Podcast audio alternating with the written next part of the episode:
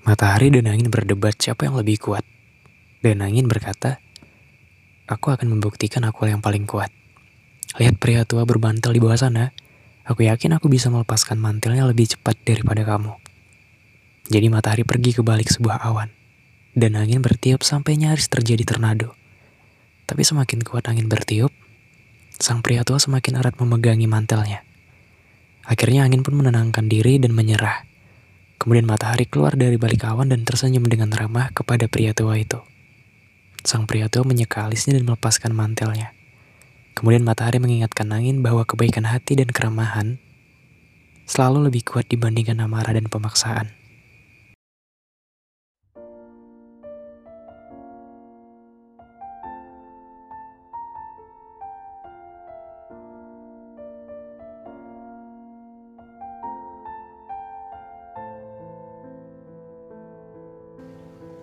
To begin with, all our emotions are valid.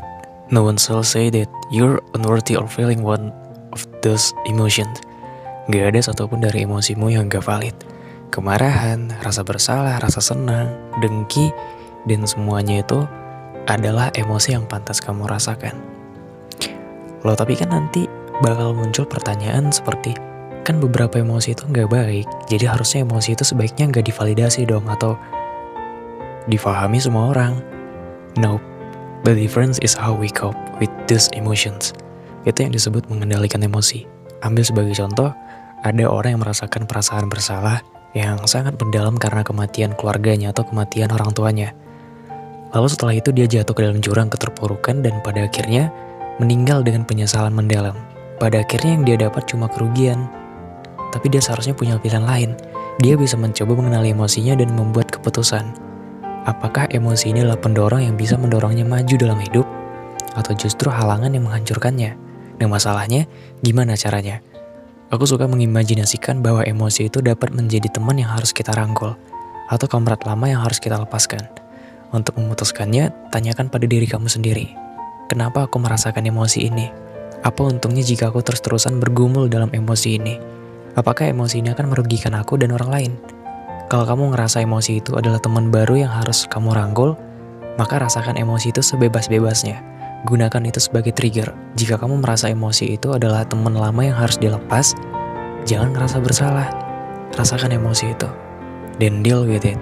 Let it go. Jangan tahan emosimu, tapi jangan lampiaskan dalam bentuk pelampiasan yang merugikan diri kamu sendiri dan orang lain. Cukup kenali, kenali emosi kamu. Lalu buat keputusan dengan kepala dingin.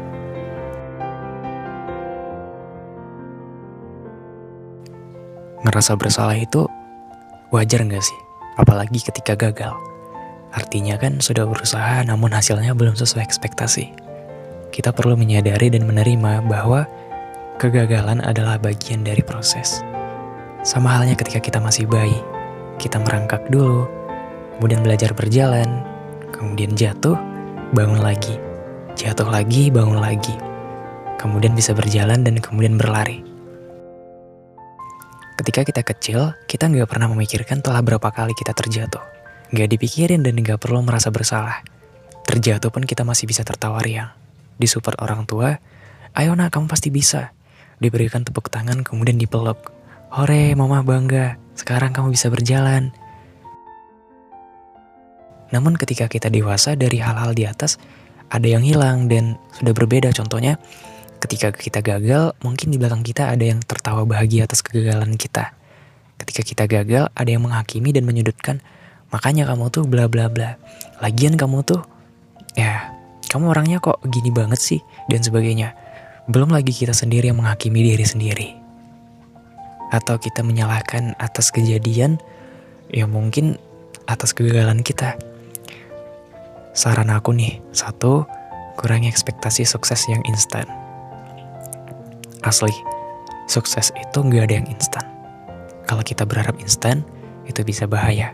Kenapa bahaya? Karena diri kita belum terbentuk.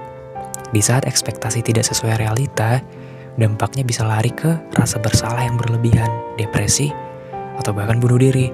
Semuanya itu butuh proses. Untuk bisa terbentuk, kita butuh yang namanya proses. Kedua, kalau mau nangis, nangis aja nggak apa-apa. Lepaskan semuanya. Tapi setelah itu bangkit lagi ya. Dan yang ketiga, merasa bersalah itu wajar. Tapi kalau selalu merasa bersalah itu nggak baik. Kan semuanya itu sesuai takdirnya yang di atas. Yang keempat, kesehatan mental itu penting dan cuma diri kita yang bisa menjaganya. Perkataan orang lain, baik buruknya, nggak bakal ngaruh apa-apa kalau pikiran kita nggak ngizinin masuk ke otak kita.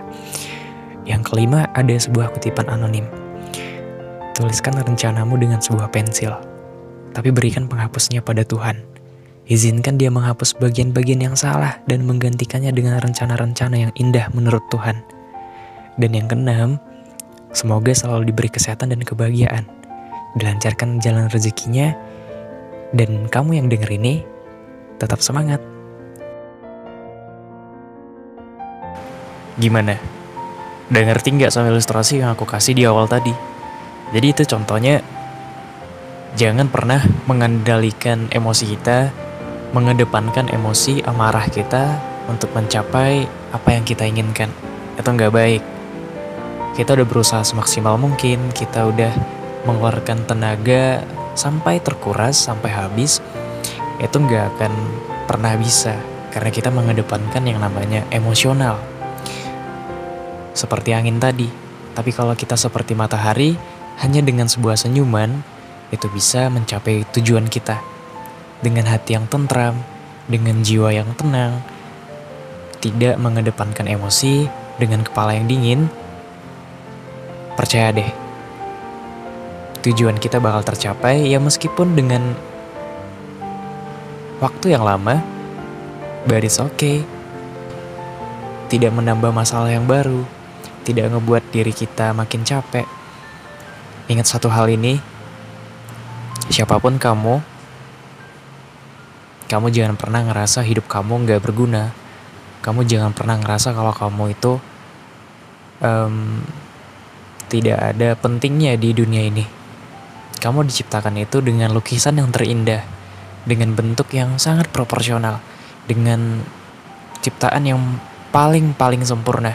Ya meskipun di dunia ini nggak ada yang sempurna, tapi percaya deh kita manusia, kita diciptakan dengan bentuk yang paling sempurna dari makhluk yang lainnya. Maka kalau kita ngerasa diri kita nggak berguna, ingat sekali lagi, kita hidup untuk diri kita sendiri. Setidaknya kalau kita nggak berguna sama orang lain, kita harus berguna sama diri sendiri. Kalaupun orang lain jahat sama kamu, kamu jangan jahat sama diri kamu sendiri. Siapa lagi kalau bukan yang tenangin diri kamu selain diri kamu sendiri?